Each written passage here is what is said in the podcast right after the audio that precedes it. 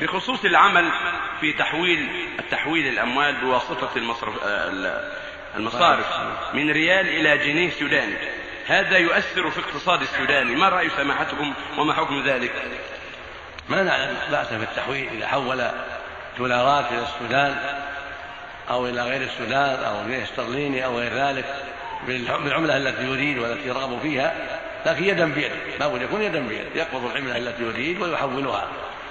وأجاز قوم الشيك لأنه قبض أن الشيك إذا كان على بنك يعني فيه رصيد للشخص فإن قبض الشيك قبض للمال لأنه يقوم مقامه ليس مثل الدين بل هو يقوم مقامه لأنه مال أينما ذهب به حصل المطلوب لكن إذا تيسر أن يقبل المال بنفسه ثم يحوله يكون هذا أكبر.